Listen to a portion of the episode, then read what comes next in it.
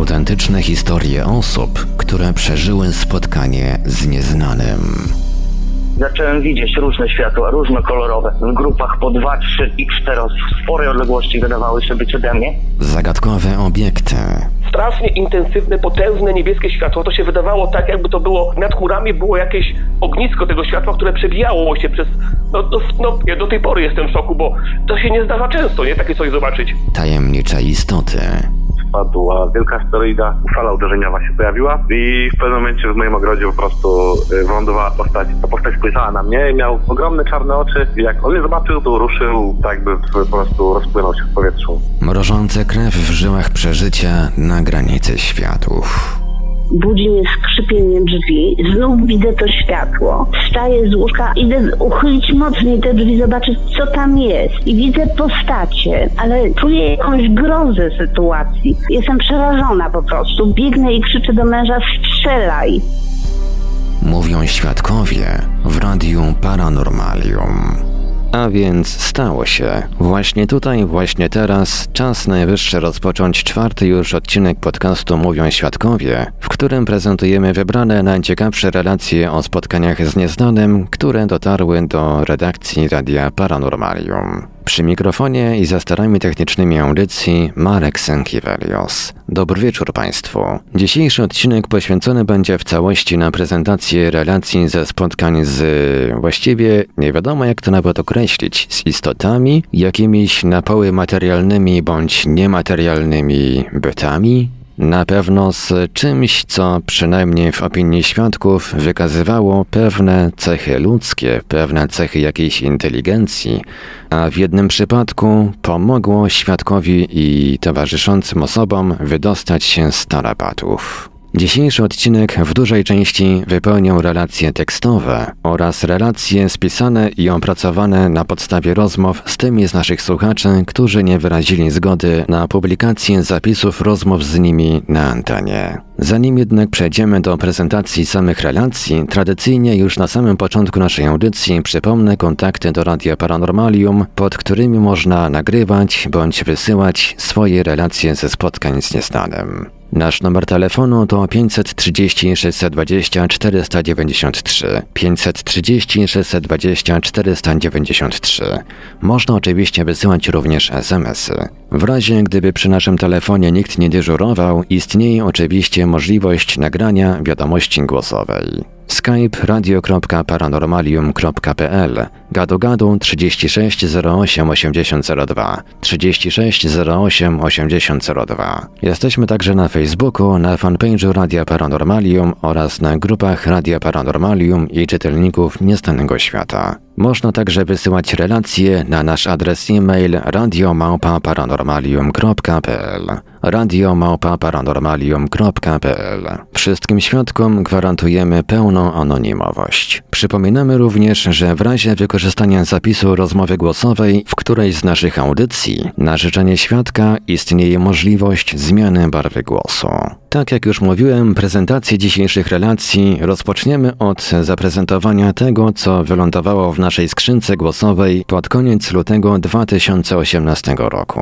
Niestety, z jakiegoś powodu nie zapisał nam się numer telefonu do słuchaczki, która zostawiła nam tę wiadomość, tak więc jeżeli pani teraz nas słucha, to będę bardzo wdzięczny, jeżeli napisze pani jakiegoś maila albo SMS-a, ponieważ e, mam kilka pytań dotyczących e, tej istoty, którą pani oraz pani partner zaobserwowaliście. Jak wiadomo, skrzynki głosowe, jeżeli chodzi o długość nagrania, mają dosyć ograniczoną pojemność, jednak naszej słuchaczce udało się w ciągu 3 minut w dwóch wiadomościach upakować dosyć sporo informacji, dlatego też pozwoliłem sobie wszystko spisać i teraz Państwo tę relację usłyszycie. A więc oto ta relacja. Zdarzenie miało miejsce w 2015 roku, kiedy wracaliśmy z wakacji. Wracaliśmy wtedy z Niechorza i wracaliśmy z Kołobrzega do Inowrocławia w Kujawsko-Pomorskim. Jechaliśmy drogą krajową, nie żadnymi autostradami. Znaleźliśmy się w takim miejscu w sumie bardzo odludnym. Nie było żadnych domów, same pola, tak jakby trochę las. Żadnych gospodarstw, zabudowań gospodarczych, nic. Nie było nawet żadnej stacji paliw, po prostu nic. I widzimy, że naprzeciwko nas idzie postać, osoba. Nie wiem, która to była godzina, może to była osiemnasta, dziewiętnasta, zbyt dobrze nie pamiętam. Nawet jeszcze mój partner mówi do mnie, dziwne, że tutaj nie ma żadnych zabudowań, żadnych domów, a ta osoba po prostu idzie sama i nawet roweru nie ma. Ja jeszcze tak patrzyłam na tę postać i zdziwiło mnie to, że rzeczy na tej postaci tak powiewają. Widziałam normalnie spodnie i kaptur założone na głowę. To było lato, ciepło, ale nic. Zbliżamy się do tej postaci i cały czas ta postać miała głowę na dół schyloną. Gdy żeśmy się zbliżyli samochodem do niej, to żeśmy ją widzieli już w sumie z daleka, bo szła w sumie dobrze. My jechaliśmy. W sumie szła w naszą stronę, przodem do nas, tak, że szła prawidłowo drogą. Ale gdy się zbliżyła do nas i spojrzałam na nią i mój partner także, bo żeśmy trochę zwolnili, po prostu nie wiemy co to było, ale gdy podniosło to coś głowę, to tam nie było nic. Nie było nic, po prostu czarne. Był tylko kaptur nałożony i nic więcej tam nie było. Nie było żadnej twarzy, żadnych ust, nosa, po prostu nic. Byliśmy tak jakby w jakimś szoku. Powiedzieliśmy tylko widziałeś, widziałem i jechaliśmy dalej. Nic się nam nie zatrzymało. Samochód jechał. Dokładnie nie wiem, jaka to była miejscowość, czy to było Koszalińskie, czy to był Juszczuchów, ale taka sytuacja się zdarzyła i to był sierpień, może 15-16 sierpnia 2015 roku. To tyle, jeżeli chodzi o opis zdarzenia z okolic prawdopodobnie Człuchowa, jaki zostawiła nam w lutym 2018 roku jedna z naszych słuchaczek. Tak jak mówiłem, będę bardzo wdzięczny za kontakt, najlepiej drogą e-mailową na adres radiomałpa-paranormalium.pl ponieważ mam pewne pytania odnośnie tej właśnie relacji, głównie odnośnie wyglądu tej istoty. Naturalnie, jeżeli inni słuchacze Radia Paranormalium również przeżyli coś podobnego i chcieliby nam o tym opowiedzieć, zachęcamy jak najbardziej do dzielenia się z nami swoimi historiami. Można to robić oczywiście również w komentarzach pod audycją na naszym kanale na YouTube, a także w naszym archiwum audycji MP3 na naszej stronie internetowej www.paranormalium.pl. Być może dzieląc się swoimi historiami w komentarzach, zachęcicie Państwo również innych słuchaczy, którzy przeżyli coś podobnego, aby otwarli się, nabrali odwagi i zrobili to samo. Teraz z kolei zajrzymy, proszę Państwa, do takiego dosyć obszernego pliku doc na moim dysku, w którym przechowuję relacje przygotowane do emisji w którejś z debat ufologicznych online. Tutaj taka mała uwaga do pytających, kiedy ta audycja wróci. Nie wiadomo, czy wróci i kiedy wróci, także e, jeżeli będzie planowany powrót debat ufologicznych, to będzie o tym news. Nie trzeba o to wypytywać w 50 różnych miejscach.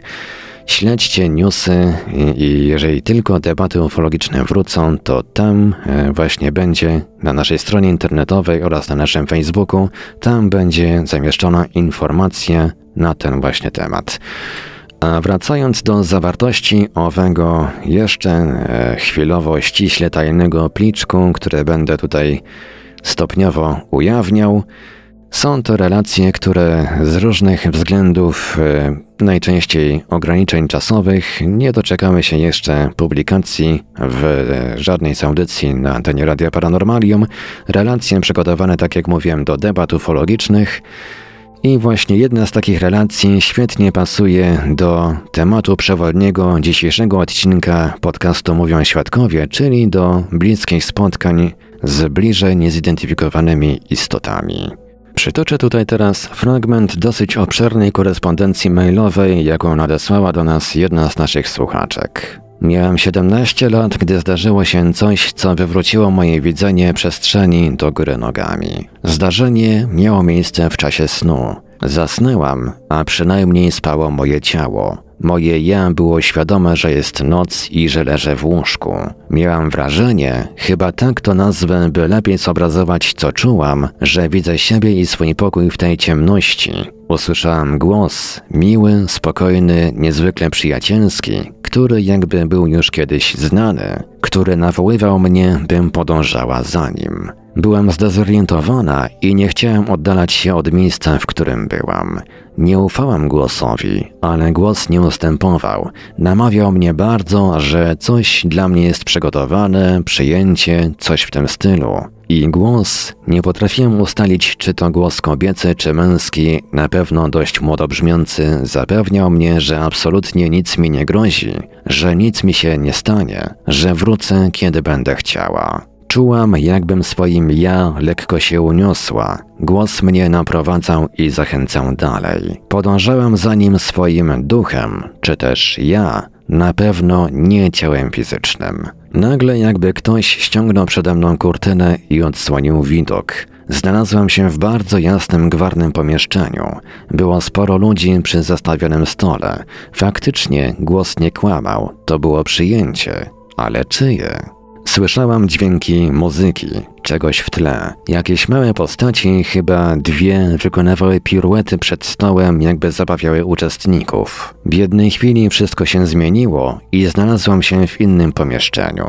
To, co przeżyłam, mimo wielu minionych lat, stanowi część mojego życia. Teraz stałam przed rzędem postaci w liczbie około dziesięciu, ustawionych przede mną niczym jury. Postaci te nie miały ciał fizycznych, zbudowane były z szaro-czarnego dymu. Miały kształt postaci, ale tylko zarys, bez ludzkich cech. Dym, to z czego były zbudowane, to było żywe, ale według mnie transparentne, choć nie prześwitujące. Dym falował delikatnie w tym ich obrysie. Postaci nie miały żadnych widocznych narządów, ani rąk, ani nóg. Na pewno stały, Usłyszałam, jak jedna postać, nie potrafię określić, która z tego rzędu, zaczęła do mnie mówić. Pytała, czy ją słyszę i rozumiem. Stałam i nie mogłam wydusić z siebie nic, prócz jednej wątłej myśli, że ktoś zwabił mnie w pułapkę i ta myśl, której nie zapomnę, że umrę i nikt się nie dowie, gdzie jestem. Czułam pierwszy raz w życiu, że czeka mnie śmierć, tak realna i że nie śnię, że to się dzieje naprawdę. Tymczasem postaci zaczęły mówić, jakby kilka między sobą i do mnie także. Nie umiałam ich słuchać, byłam na wpół przytomna ze strachu. W pewnej chwili, nie umiem określić ile to trwało, jedna z postaci jakby ze środka tego rzędu, postaci mogły mieć 1,80 m do 200 cm, ja mam 170 cm wzrostu. Jedna z postaci powiedziała, że mam do niej podejść, bo mają dla mnie wiadomość. Nie drgnęłam nawet o krok. Dalej stałam. Prośba była mocniejsza i bardziej stanowcza. Usłyszałam, że muszę odebrać tę wiadomość, że jest to konieczne. Zobaczyłam, jak ta postać wyciąga do mnie rękę ze zwiniętym pergaminem. Dalej stałam. Wtedy koło mnie pojawiła się postać, która mogła mieć około metra wzrostu. To jakby jeden z tych, co jakiś czas temu skakał przed zastawionym stołem. Postać była karłem, o ludzkich cechach, w ubraniu, jakby w garniturze. Był najbardziej ludzką postacią, jaka tam się wtedy znajdowała. Zaczął mnie nakłaniać, bym jak najszybciej odebrała wiadomość i będę wolna, wrócę do siebie, że jest to konieczne. Nie miałam nic do stracenia. Ruszyłam w kierunku postaci ze zwojem, a wzrok miałam wbity w ziemię, czy cokolwiek to było. Podeszłam, wyciągnęłam rękę do zwoju i nagle przemieściłam się w inne miejsce. Zobaczyłam ulicę, drogę asfaltową, po której jechała ciężarówka wypełniona żwirem, kamieniami, czymś takim. Widziałam ją dokładnie. Nagle zgięła się. Usłyszałam huk, ciężarówka przechyliła się i rudała na bok z całym impetem. Nagle znalazłam się nad czymś leżącym ciałem. Patrzyłam na martwego mężczyznę. Wyglądał strasznie, aż zerwałam się ze snu. Spojrzałam na zegar z wyświetlaczem. Była dokładnie piąta dziesięć. Byłam mokra, zmęczona jak po maratonie. Leżałam i czekałam na godzinę szóstą, kiedy wstaną rodzice. Gdy tylko się obudzili, opowiedziałam im i bratu wszystko. Tego dnia rodzice długo nie wracali do domu. To nie były czasy telefonów komórkowych. Musiałam czekać i czekać na ich powrót.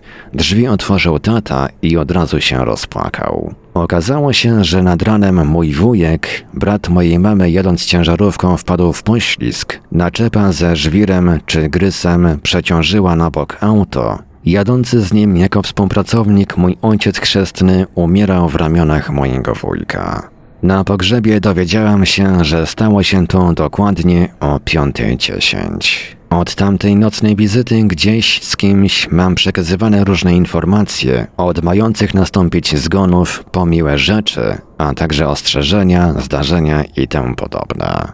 Przez lata tkwiłem w przekonaniu, że spotkałam demony. Spotkanie to oraz inne zdarzenia pchnęły mnie do zadawania pytań i rozszerzania swojej wiedzy.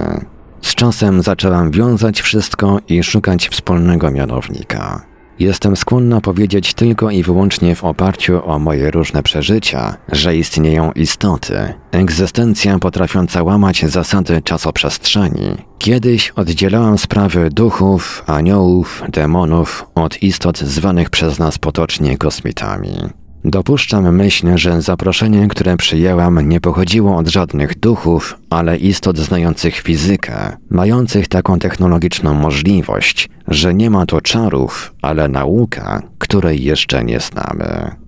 I to tyle, jeżeli chodzi o fragment dość obszernej korespondencji mailowej z jedną z naszych słuchaczek. Zdarzenie, jak Państwo widzicie, dość niezwykłe. Pewne elementy tej historii wskazują, iż mogła się ona rozegrać w swego rodzaju innej rzeczywistości, w innym wymiarze. Można to nazywać różnie: porwanie, wzięcie, zaproszenie w inną przestrzeń, doświadczenie poza ciałem i tym podobne. Spotkanie z istotami w dziwnym pomieszczeniu nasuwa skojarzenia z opisami spotkań właśnie poza ciałem, na jakie można natknąć się choćby w książkach takich autorów jak Robert Monroe czy Bruce Moen. Świadek zresztą wspominała, że spała, a przynajmniej spało jej ciało. Niektórym z Państwa zapewne skojarzyło się to również ze wzięciem w środku nocy w jakieś bliżej nieokreślone miejsce. Być może jakaś nieuchwytna siła próbowała przygotować naszą słuchaczkę, a następnie przekazać jej coś, co miało bardzo duży wpływ na jej późniejsze życie, a może po prostu chodziło o pewien element prekognicyjny, mianowicie przekazanie informacji o nadchodzącej śmierci bliskiej osoby. A co Państwo o tym sądzicie? Zapraszamy do dzielenia się swoimi przemyśleniami, spostrzeżeniami, a także naturalnie, jeśli przeżyliście coś podobnego, swoimi historiami. A do prezentowania przygotowanych na dziś relacji powrócimy po krótkiej przerwie. Radio Paranormalium, paranormalny głos w Twoim domu, zostańcie Państwo z nami. Archiwum Radia Paranormalium. Pełne archiwum audycji najbardziej paranormalnego radia w polskim internecie. Dziesiątki gigabajtów wciągających paranormalnych mp3 czekają na Ciebie. Słuchaj zawsze i wszędzie, o każdej porze dnia i nocy. Dziel się nagraniami ze swoimi znajomymi i pokaż im prawdę, o której boją się nawet pomyśleć. Archiwum audycji Radia Paranormalium www.paranormalium.pl Koniecznie również sprawdź naszą oficjalną aplikację na Androida i Windows Phone. Autentyczne historie osób, które przeżyły spotkanie z nieznanym. Zagadkowe obiekty, tajemnicze istoty, mrożące krew w żyłach przeżycia na granicy światów. Mówią świadkowie w Radiu Paranormalium. Słuchacie Państwo kolejnego już odcinka podcastu Mówią Świadkowie, w którym teraz przechodzimy do kolejnych relacji. Tym razem zgłoszenia wyciągnięte z głębokich czeluści archiwum portalu paranormalium.pl, a dokładnie z działu Wasze relacje, do którego trafia większość relacji o obserwacjach UFO, duchów i innych niewieścianych zjawisk, jakie nadsyłacie Państwo do naszego serwisu. Zaprezentujemy mianowicie kilka wybranych historii, jakie otrzymaliśmy w okolicach roku 2008-2010, czyli w czasach, kiedy paranormalium nie było jeszcze nawet radiem. Tutaj mała uwaga do osób, które postanowiły przejrzeć wspomniane dział Nasze Relacje. Prosimy nie sugerować się numerkami wyświetlanymi przy każdej z relacji. Nie odzwierciedlają one bowiem liczby relacji, jakimi dysponujemy. Są to po prostu identyfikatory wpisów w naszej bazie danych. Numerki są dosyć wysokie, ponieważ poza relacjami opublikowanymi mamy również te, których autorzy nie wyrazili zgody na publikację. Ponadto nasz serwis, jak zresztą każda inna strona internetowa, od czasu do czasu atakowany jest przez spamboty wysyłające w komentarzach oraz zgłoszeniach mnóstwo śmieci, co również powoduje podnoszenie się kolejnych numerków. A wracając do relacji, jako pierwszą zaprezentujemy dziś tę z numerkiem 687. Oto co pisze nasza czytelniczka. Od małego często mam do czynienia z różnymi nadprzyrodzonymi zjawiskami.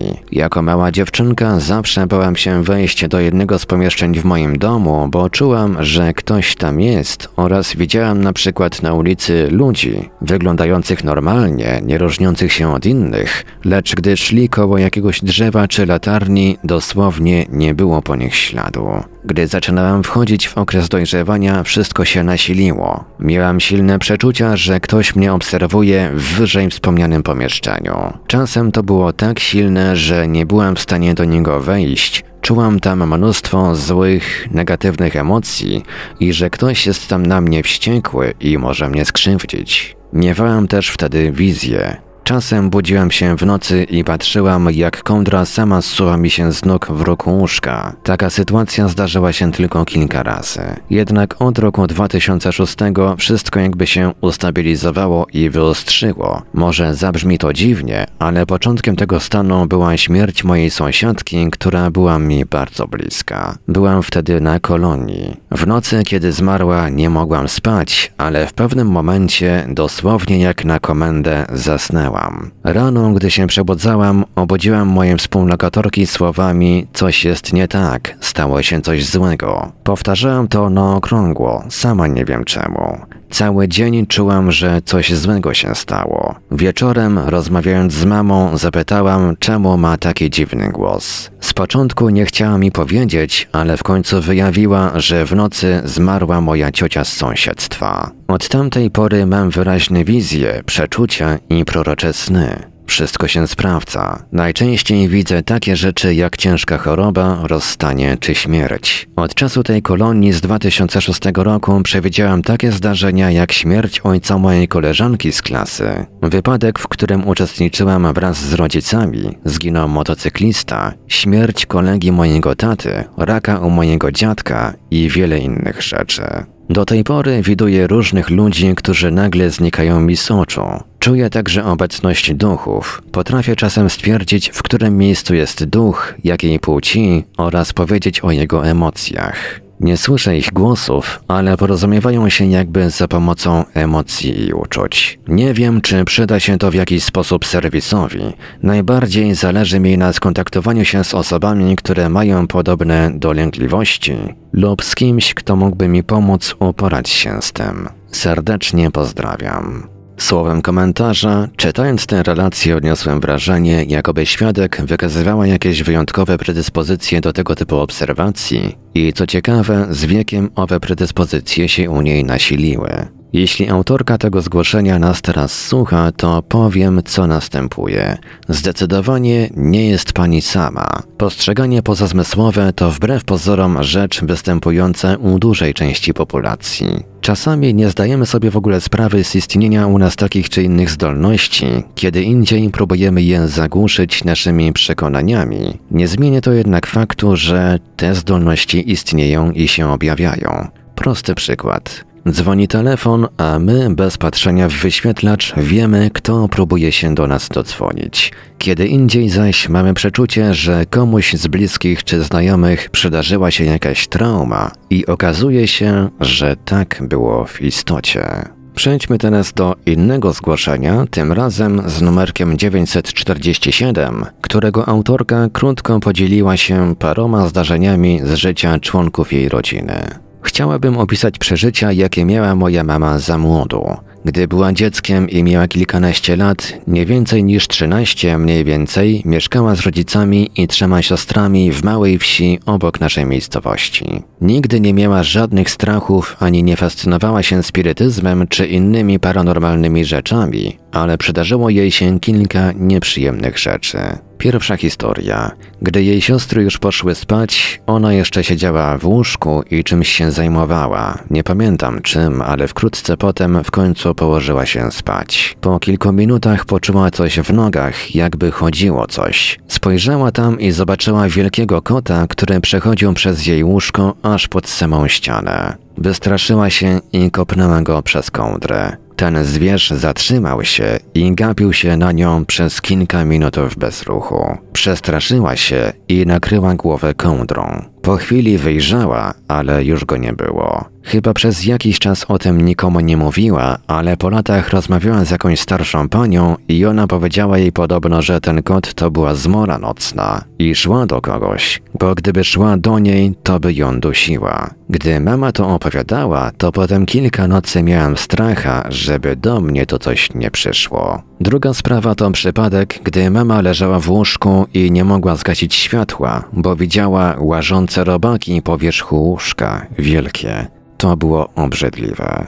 Trzecia sprawa to taka trochę śmieszna, bo widziała w kącie gołego faceta, dosłownie gołego, który trzymał w rękach lalkę owiniętą w jakieś szmaty. Podobno widziała to trzy razy. Potem już nie miała takich zwidów. A teraz inna sprawa dotycząca wujka mojej mamy. Stał podobno i oglądał jakąś wystawę w jakimś mieście i kątem oka dostrzegł jakąś małą, niską postać obok siebie. Spojrzał na nią i zobaczył, że to był mały człowieczek z racicami zamiast nóg i w takim jakimś dziwnym obranku z kapeluszem na głowie. I ten stwór zaczął skakać wkoło niego i śmiać się. Ten facet próbował jakoś odejść, ale jak tylko odwrócił się w którąkolwiek stronę, ten stwór już stał przed nim. Wpadł w końcu w panikę i zaczął wrzeszczeć przez kilka minut, a gdy w końcu się zamknął, stwora już nie było. Straszne i dziwne. To tyle, jeżeli chodzi o zgłoszenie numer 947. Trudno ocenić wiarygodność tych relacji, gdyż nie dysponujemy tutaj praktycznie żadnymi informacjami na temat osób biorących udział w tych wydarzeniach. Można jedynie domniemywać, iż mama naszej czytelniczki również posiadała jakieś predyspozycje do dokonywania, powiedzmy, nietypowych obserwacji. Zresztą podobnych historii drogą głównie mówioną przekazuje się dość sporo. Zainteresowanych podobnymi przypadkami zapraszamy do przejrzenia bazy relacji na naszej stronie www.paranormalium.pl oraz do zajrzenia na bloga Krzysztofa Dreczkowskiego www.zmiennokształtne.blogspot.com, którego autor zbiera i opracowuje takie właśnie historie. A teraz y, zamykamy okienko przeglądarki z naszą bazą relacji i wracamy po krótkiej przerwie. Radio Paranormalium, paranormalny głos w Twoim domu. Zostańcie Państwo z nami. Bardziej niż nieprawdopodobne, niemożliwe, niewiarygodne. Radio Paranormalium. Paranormalny głos w Twoim domu. Pisz artykuły, rozmawiaj z czytelnikami, moderuj komentarze i poczuj się jak redaktor. Załóż bloga na Paranormalium. Więcej dowiesz się w dziale blogi na www.paranormalium.pl. Rozmawiaj z prezenterami oraz z innymi słuchaczami na żywo. Wejdź na naszego czata na www.paranormalium.pl. Autentyczne historie osób, które przeżyły spotkanie z nieznanym. Zagadkowe obiekty, tajemnicze istoty, mrożące krew w żyłach przeżycia na granicy światów. Mówią świadkowie w Radiu Paranormalium. No i właśnie teraz, po krótkiej przerwie, przyszedł czas, aby zaprezentować relację, o której była mowa na samym początku audycji, mianowicie historię, w której niezidentyfikowana postać pomogła naszej słuchaczce oraz osobom jej towarzyszącym, mówiąc krótko i dosadnie, wyjść z bardzo poważnych tarapatów. Ze względu na pełnione przez naszą słuchaczkę funkcje oraz dużą jej rozpoznawalność, nie możemy udzielić na jej temat zbyt wielu informacji. Świadek, mieszkanka tych w województwie śląskim, przez wiele lat prowadziła różne akcje charytatywne na rzecz domów dziecka. Szczególnym zaś zainteresowaniem darzyła domy dziecka zlokalizowane daleko od jej miejsca zamieszkania, nieraz znajdujące się wręcz na rubieżach Polski. 23 grudnia 1997 roku roku świadek wraz z kilkoma osobami towarzyszącymi jechała do miejscowości Jaszczurowa koło Wadowic w województwie małopolskim. Cały konwój z darami na rzecz jednego z domów dziecka składał się z czterech samochodów, mających pierwszą młodość już dawno za sobą. Świadek użyła określenia rzęchy w typie starego poloneza. Poza samochodem, w którym podróżowała nasza słuchaczka, wszystkie pozostałe samochody były wyposażone w letnie opony. Tutaj drobna uwaga. Wspomniany dom dziecka jakiś czas później został przeniesiony do innego budynku, jako że teren został wyznaczony do zalania w związku z budową zapory. W miarę zbliżania się do Jaszczurowej nagle zaczął padać śnieg, przez co cała ekipa po jakimś czasie, mimo wcześniejszego dokładnego opracowania trasy, zgubiła drogę. W docelowym domu dziecka wszyscy mieli się zjawić na godzinę 16, gdyż wtedy właśnie zaczynała się Wigilia. Była już godzina 15.50, a droga stała się dosyć śliska. Podjeżdżając pod górę, świadkowie zauważyli drogowskaz Jaszczurowa 4 kilometry. W tym momencie kierowca jednego z samochodów stracił panowanie nad pojazdem i wpadł do rowu. Wszystko to pośród potężnej śnieżnej zadymy. Wszystkie samochody się zatrzymały. Nasza słuchaczka, której samochód jechał tuż przed tym, który wpadł do rowu, wyszła z pojazdu i natychmiast się poślizgnęła. Wstając, nagle zauważyła człowieka, który, przynajmniej według niej, w ogóle nie powinien się tam znajdować. Poza drogą i drogowskazem w pobliżu nie było bowiem widać żadnych innych widocznych gołym okiem przejawów istnienia ludzkiej cywilizacji. Dookoła same pola. Ów człowiek zresztą wyglądał, umówmy się, bardzo nietypowo jak na tę porę roku.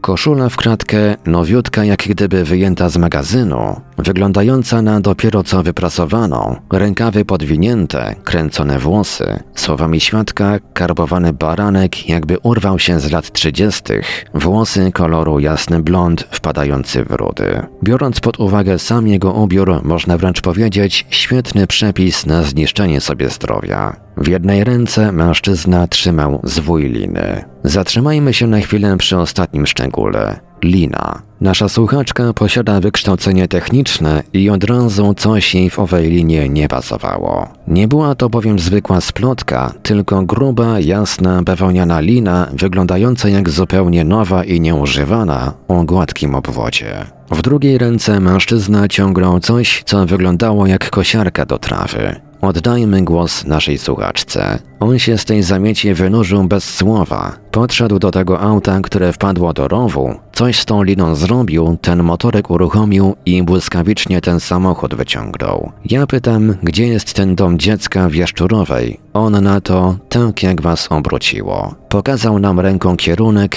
i poszedł w tą zamieć. Koniec cytatu. Ekipa dotarła do domu dziecka praktycznie na czas. W późniejszej rozmowie personel domu dziecka stwierdził, że nie mają pojęcia, kim mógł być ów mężczyzna, jako że w okolicy nie było żadnego gospodarstwa. W późniejszym czasie nasza słuchaczka opisała tę historię w korespondencji nadesłanej do niestanego świata. Historia ukazała się drukiem na przełomie lat 2009-2010. Artykuł przeczytał jeden z jej znajomych, który zaproponował wycieczkę do Jaszczurowej celem odszukania tego miejsca. Co prawda oboje udali się tą samą drogą, jednak w ciągu kilkunastu lat od zdarzenia na tym terenie dość dużo się pozmieniało. Pojawienie się licznych domów, drzew i innych obiektów znacznie utrudniło naszej słuchaczce rozpoznanie miejsca, w którym widziała tajemniczego mężczyzna. Świadek pamiętała jednak lokalizację nowego domu dziecka oraz wiedziała, gdzie znajdował się drogowskaz. Świadek wraz ze znajomym pojechali w inne miejsce i dotarli na wzgórze, które również znajduje się w obrębie wsi Jaszczurowa. Na owym wzgórzu znajduje się mały cmentarz i kościół. Znajomy powiedział, cytat, tam jest to miejsce, które ty mi wskazałaś, z którego wyszedł ten facet z liną. Opowiem ci coś. Jesteś jedyną, która to usłyszy. Nikomu więcej o tym nie mów, bo mnie tu ludzie znają. Nie mów tego. Okazało się, że na cmentarzu spoczywali dziadkowie znajomego. Znajomemu zdarzyło się parę razy siedzieć na wzgórzu i oglądać jaszczurową z góry. Razu pewnego znajomemu wydawało się, że wschodzi księżyc. Później jednak zwątpił, bowiem zobaczył jasną, świetlistą kulę, która jakby skądś wychodziła i wędrowała pionowo. Księżyc powinien skierować się w lewą stronę, kula natomiast nagle skręciła pod kątem prostym w prawo. Jeśli chodzi o rozmiary, to znajomy porównał jej wielkość do wielkości Księżyca. Oczywiście z perspektywy obserwatora stojącego na wzgórzu. Najciekawszy jest jednak powód, dla którego znajomy wypytywał naszą słuchaczkę o owego tajemniczego mężczyzna. Okazało się bowiem, iż obserwowana przez niego kula wychodziła dokładnie z tego samego miejsca, w którym ów mężczyzna z liną się pojawił. Wróćmy jeszcze do opisu tajemniczego człowieka. Jak już wiemy, pojawił się praktycznie znikąd. Wyszedł spośród śnieżnej zamieci, słowami świadka wyszedł do nas z pustki i udzieliwszy naszym nieszczęśnikom pomocy, równie szybko w niej zniknął. Zwraca uwagę również ubiór tego mężczyzny, wybitnie nieprzystający do warunków zimowych. Świadek wspomniała o zwykłej koszuli w kratę, na dodatek z podwiniętymi rękawami. Z opisu przytoczonego przez naszą słuchaczkę wynika, iż całe zdarzenie trwało dość krótko. Innym zwracającym uwagę elementem jest przeniesione przez tego mężczyznę urządzenie. Gabarytami przypominało ono kosiarkę ogrodową. Z opisu podanego przez naszą słuchaczkę wynika, iż mężczyzna jeden koniec liny w jakiś sposób przywiązał do samochodu, drugi zaś połączył z ową kosiarką i przy pomocy tego właśnie urządzenia udało mu się wyciągnąć samochód z rowu. Proszę sobie wyobrazić, jaką moc musiałoby mieć tak małe urządzenie, aby być w stanie wyciągnąć tak duży i ciężki obiekt, jakim był stary Polones. Zapytana o odczucia względem tajemniczego mężczyzny, świadek wspomniała, że czuła wobec niego ogromną wdzięczność. Pomocny jegomość nie był jednak zbyt rozmowny. Wskazał jedynie kierunek, w którym znajdował się dom dziecka, po czym tak po prostu sobie poszedł i już więcej go nie wiedziano. Trudno powiedzieć, kim tak naprawdę mógł być ów tajemniczy jegomość z liną i małym urządzeniem. Nie są również znane szczegóły z historii tego miejsca. Możemy gdybać, że być może kiedyś w przeszłości rozegrały się tutaj wydarzenia, za sprawą których jakieś istoty duchowe, być może dusze ludzi niegdyś tu mieszkających, zostały do tego miejsca w jakiś sposób przywiązane i od czasu do czasu dają o sobie znać. Historia opowiedziana przez naszą słuchaczkę przywodzi również na myśl pewne legendy i podania, mówiące o pomocnych istotach, które pojawiają się jak gdyby znikąd, aby przestrzec przed jakimś tragicznym wydarzeniem, bądź też pomóc komuś wykaraskać się z kłopotów. A co Państwo sądzicie o całej tej historii? Dajcie znać w komentarzach, no i oczywiście jeżeli macie za sobą podobne przeżycia, to zachęcamy do podzielenia się nimi z Radiem Paranormalium.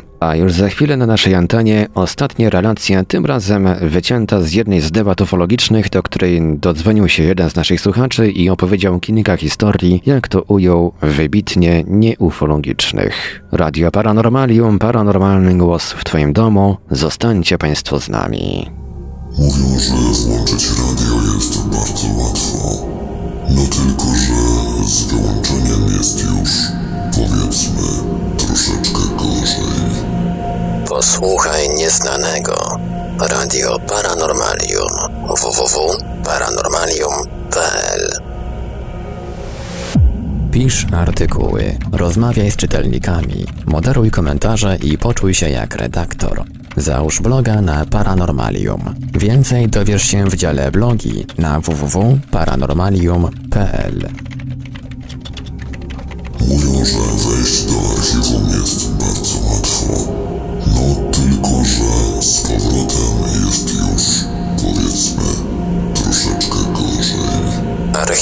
Radia Paranormalium. www.paranormalium.pl Mówią świadkowie w Radiu Paranormalium. W ostatniej części dzisiejszego odcinka zaprezentujemy historię, którymi podzielił się z nami jeden ze słuchaczy, który dodzwonił się do Radia Paranormalium na żywo podczas debaty ufologicznej 11 marca 2018 roku. Historie, jak to ujął słuchacz, nieufologiczne, a więc pasujące do dzisiejszego odcinka podcastu Mówią Świadkowie. Zdarzenie z lutego 2016 roku z okolic Karpacza. Pięć osób szło szlakiem turystycznym prowadzącym przez świerkowy las. W odległości około 50 metrów od siebie świadkowie zauważyli coś w rodzaju bezkształtnej czarnej masy, która szybko się przemieszczała, to w górę, to w dół. Początkowo świadkowie uznali czarną masę za niedźwiedzia, bo takie też gabaryty miał ten obiekt. Próba odnalezienia śladów postaci na śniegu nie dała jednak rezultatu. Wysłuchajmy rozmowy z naszym słuchaczem. Później przytoczył on również dość przerażającą historię opowiedzianą przez swoją koleżankę, która brała udział w opisywanym wcześniej zdarzeniu z Karpacza.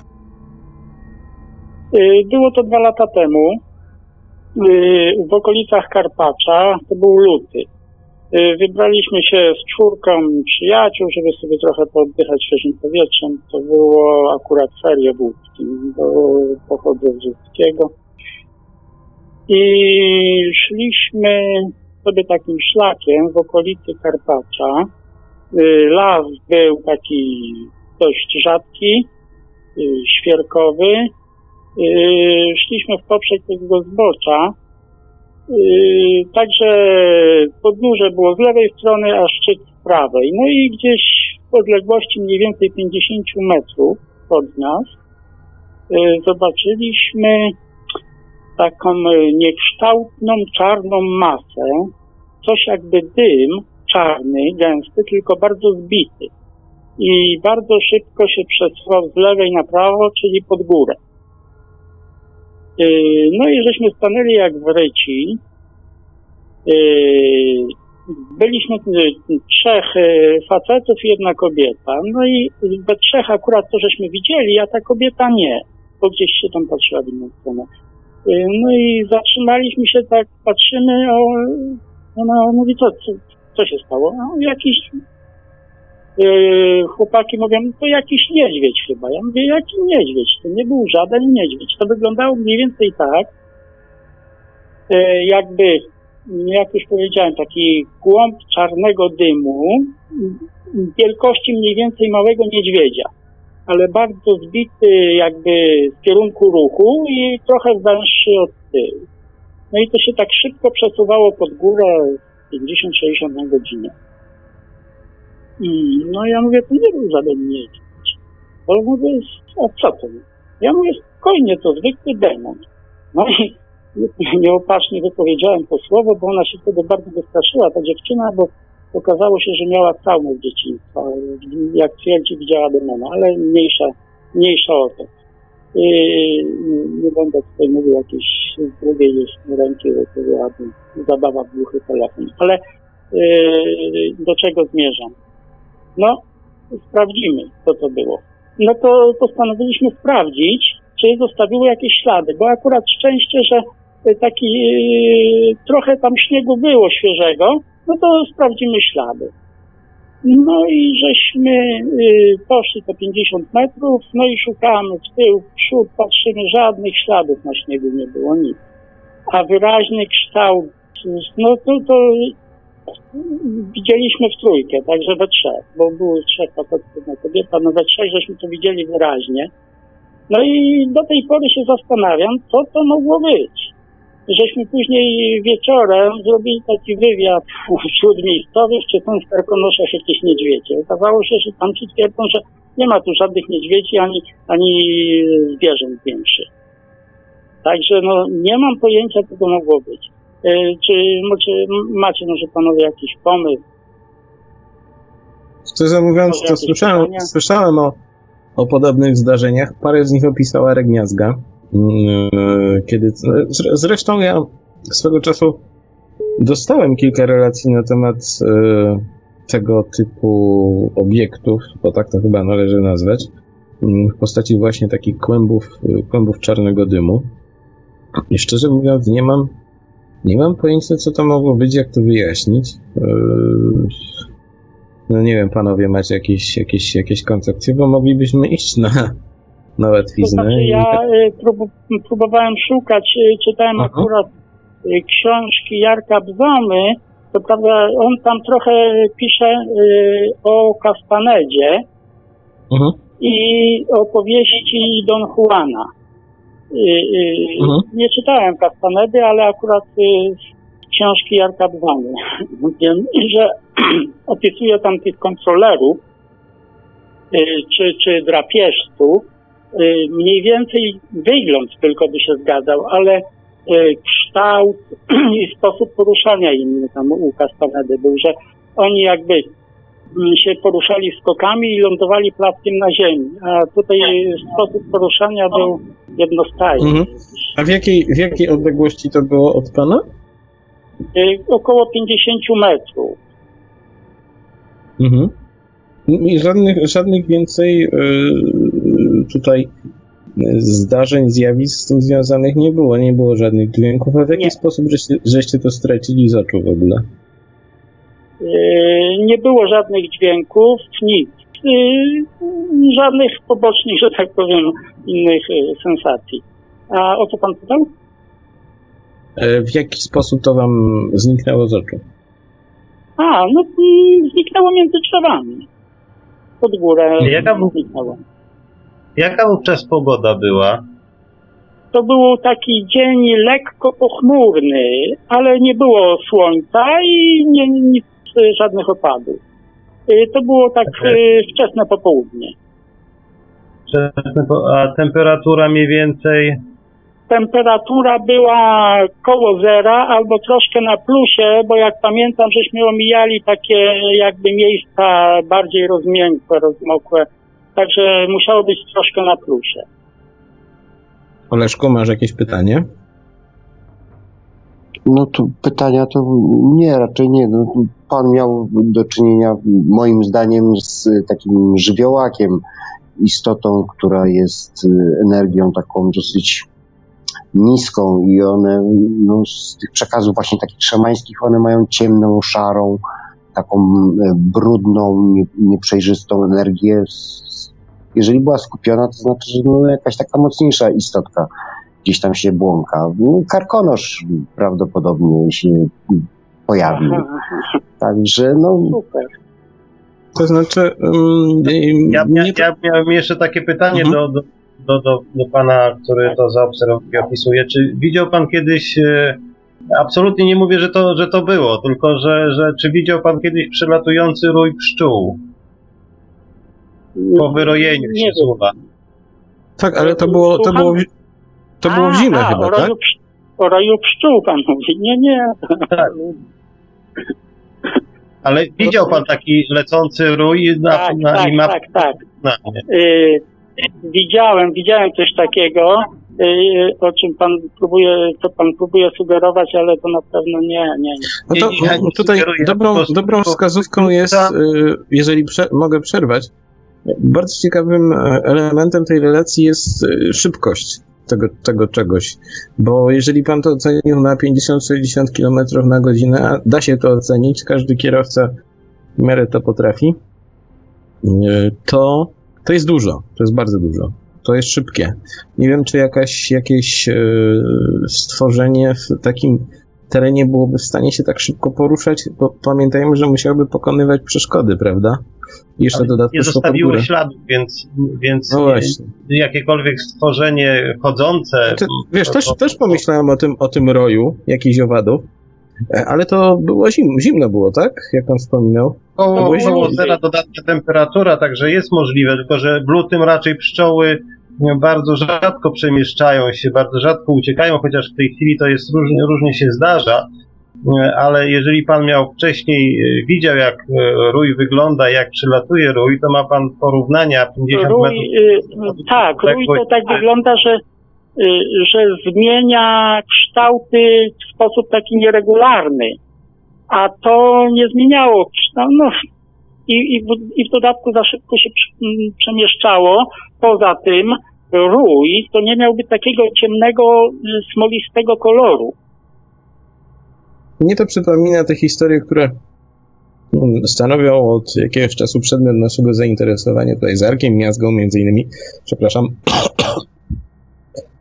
E, I on ostatnio opublikował na swoim blogu, nie wiem czy pan czyta blog Arka Miazgi, mm, opublikował tam to niech pan, niech pan sobie wpisze w Google blog Arka Miazgi i on tam op- opub- opublikował taki cykl artykułów Magonia po polsku i tam są spotkania z dziwnymi istotami no, w trochę podobnych okolicznościach, kiedy ktoś widzi coś, tylko tam są spotkania z istotami, powiedziałbym, o, o raczej określonych kształtach. Muszę wam powiedzieć, że, że mm, przypadki zetknięcia z amorficznymi obiektami, czymkolwiek to było, no są, są raczej rzadkie.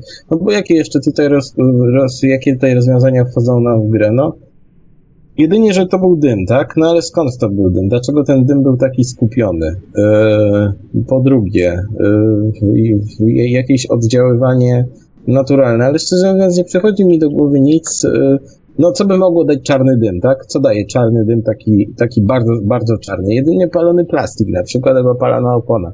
No ale on też nie jest taki, że można go, że można go... A jeszcze, mhm. jeszcze miałbym jedno pytanie. Czy ten y, obiekt, czy ta y, kupa energii y, oddalając się stawała się przejrzysta, czy ona cały czas była taka jednolita, taka z, konkretna? To znaczy, o ile, bo to była krótka obserwacja, to dosłownie trwało, ja wiem, mhm. 6-8 sekund. Y, y, to jakby... To nie zanikało. Nie, nie, nie, to nie zanikało, tylko jakby ten y, y, tył jego jakby odrywał się, czy coś, no, no mogło to wyglądać w pewnym sensie jak jakiś rój, ale no, no to na pewno nie był rój, to tego to jestem pewien na 100%. No, ale jakby jakiś taki dym odrywający się yy, od tylnej części, o tak bardziej. Mhm. Ale cały, cały czas to była zbita masa. A jaką wielkość by pan określił? Na jaką wielkość e, to? Dwa metry? Wielkość, no, nie, nie, nie, to było mniejsze. To średnicy może jakiegoś metr dwadzieścia, no góra. Góra, taki, taki mały niedźwiadek, o. Coś takiego, hmm. takiej wielkości. A na, na tym tle na tym tle tej czarni nie zauważył pan na przykład jakichś białych plam?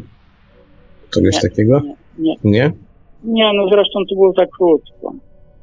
To, to znaczy, bo to jest, jest, taka hipoteza, jest taka hipoteza na przykład, że no bo to nie zostawiło śladów, ale to mógł być jakiś uciekający zwierz, ale no to bardzo szybko. 60 km, no borsuk, no to, borsuk szybko biega, ale... Susy, Aha. susy jakieś było widać na tym śniegu, no, no nie wiem. No właśnie. Pojęcia. Znaczy, że to było pod górę, więc... Tym bardziej, że jest jeszcze jedna ciekawa rzecz, o której pamiętajmy, że to zaczęło się pod koniec tej obserwacji dezintegrować, jak rozumiem, tak? Że część tego czegoś się oderwała, tak? Yy, tak, ale to, to z powrotem jakby się zbijało. No to, to był yy, o, coś takiego, jak yy, w ostatniej części Harry'ego Pottera ci śmierciożercy E, się zamieniali w takie słupy dymu, e, z tym, że oni to, to były takie, takie smugi tego dymu, a tu była taka zbita masa, no, coś takiego wygląda. Nie wiem, czy mhm. panowie hmm. Czyli pozostawiały taki, taki ślad, taki jak gdyby ślad w powietrzu za sobą, tak, który tak, zanikał. Tak, tak, tak. O właśnie, właśnie w dawnym, w dawnym polskim folklorze e, coś takiego było było świadectwem działania złych mocy.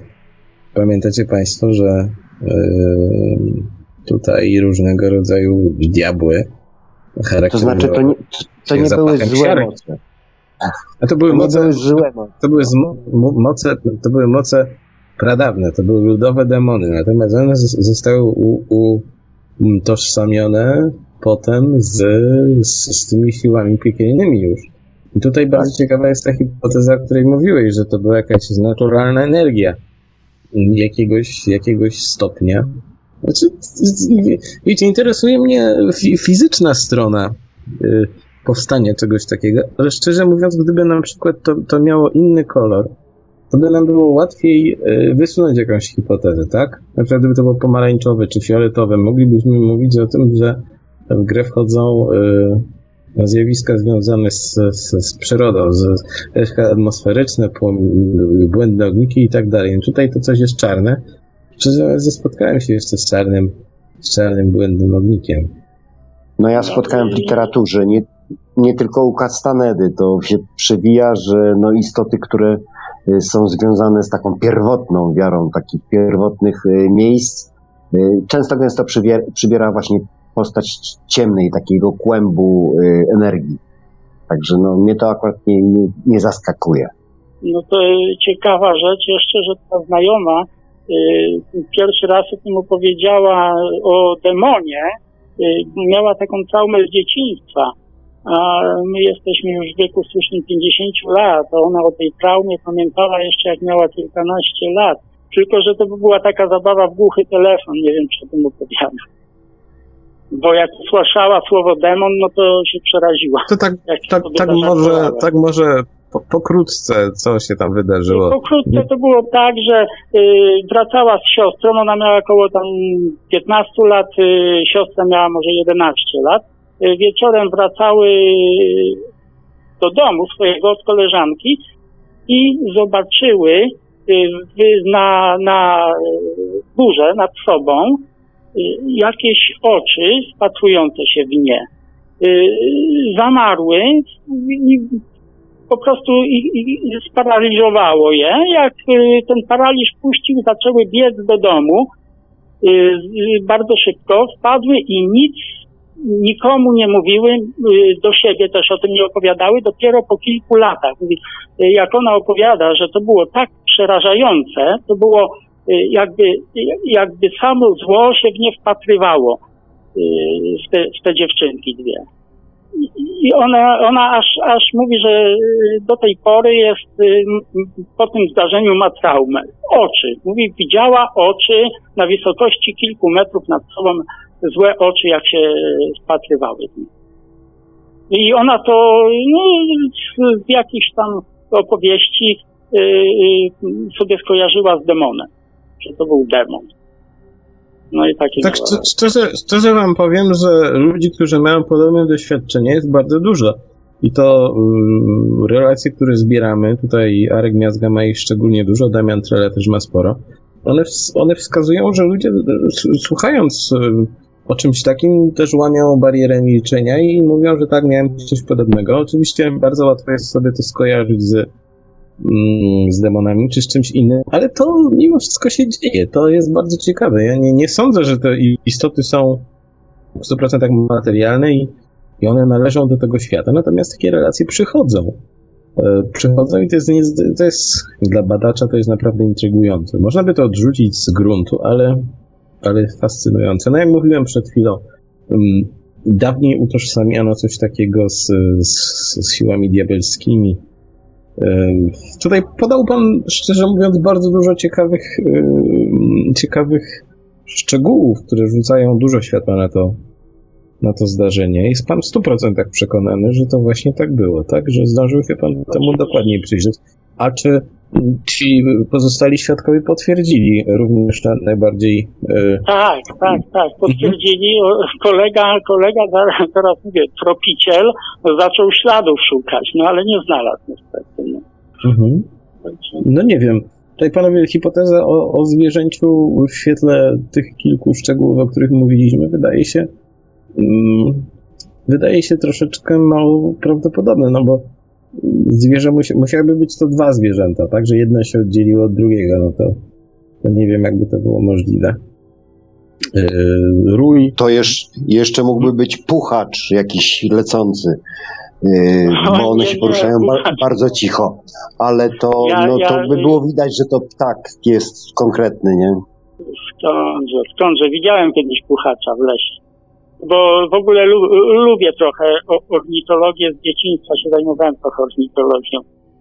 To znaczy, mm, puchacze, puchacze są ciemne, ale one chyba są yy, takie jak, jakby e, brązowawe, tak?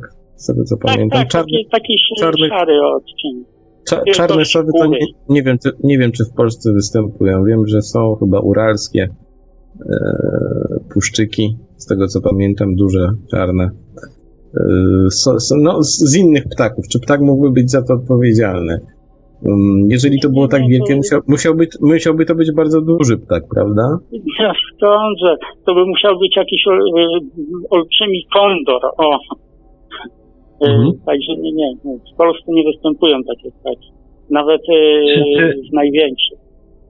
Czy rozmawiał Pan na ten temat e, z miejscowymi? Może, może podobne e, obserwacje już były na tym terenie? Y, To znaczy nie, w tym kontekście w ogóle, tylko jak tam poszli na kolację koledzy, no to się pytali, czy w Karkonoszach są niedźwiedzie i tylko tyle, a pod tym kątem nie rozmawiali. Mhm. No, rzeczywiście ciekawa sprawa.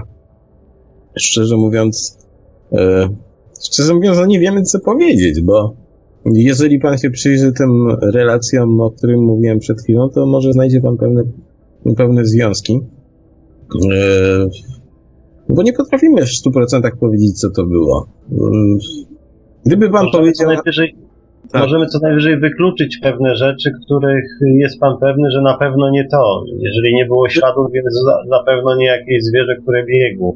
Gdyby Jeżeli relacja- wziął pan Mhm. i ma porównanie co do, co do różnych wielkości ptaków i sposobów ich przemieszczania się, również można odrzucić ptaki. Jeżeli był to luty i był tam śnieg, yy, nie wystartowało to z jakiegoś zbiornika wodnego czy, czy, czy jakiegoś takiego i e, to też na, zapewne nie były to owady.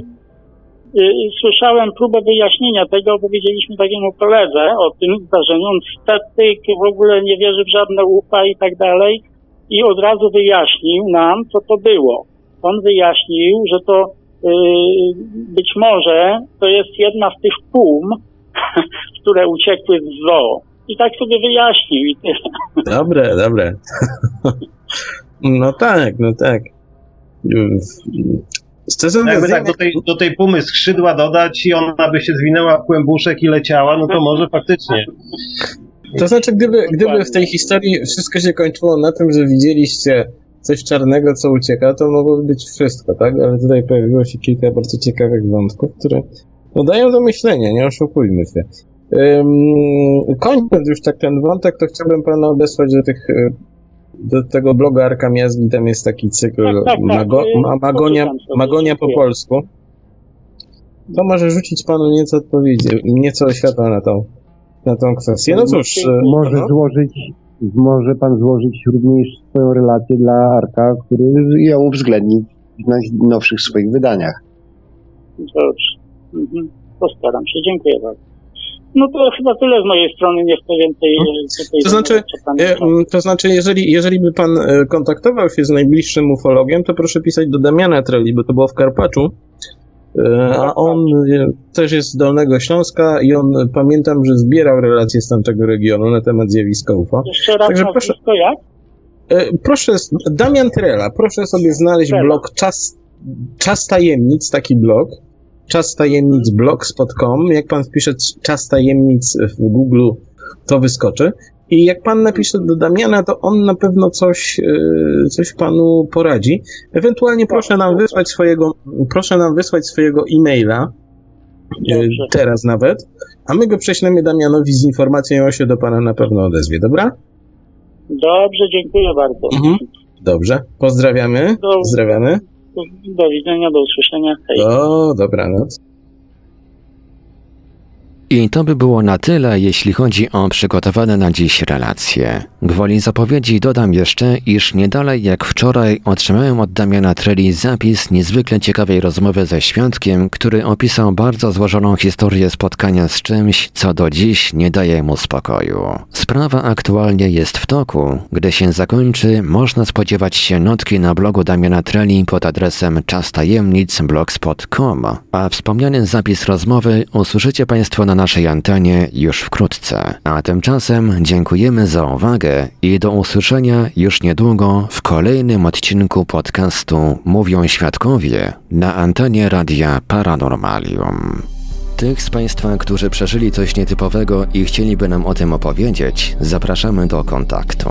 Nasz adres e-mail radiomałpa-paranormalium.pl radiomałpa-paranormalium.pl Skype radio.paranormalium.pl radio.paranormalium.pl Numer telefonu 32 746 0008 32 746 0008 Numer komórkowy 530 620 493 530 620 493 W razie gdyby po drugiej stronie połączenia telefonicznego nikt nie dyżurował, istnieje możliwość wysłania SMS-a bądź nagrania wiadomości głosowej. W razie wykorzystania zapisu rozmowy w którejś z audycji istnieje możliwość zmiany barwy głosu. Ponadto wszystkim świadkom gwarantujemy pełną anonimowość.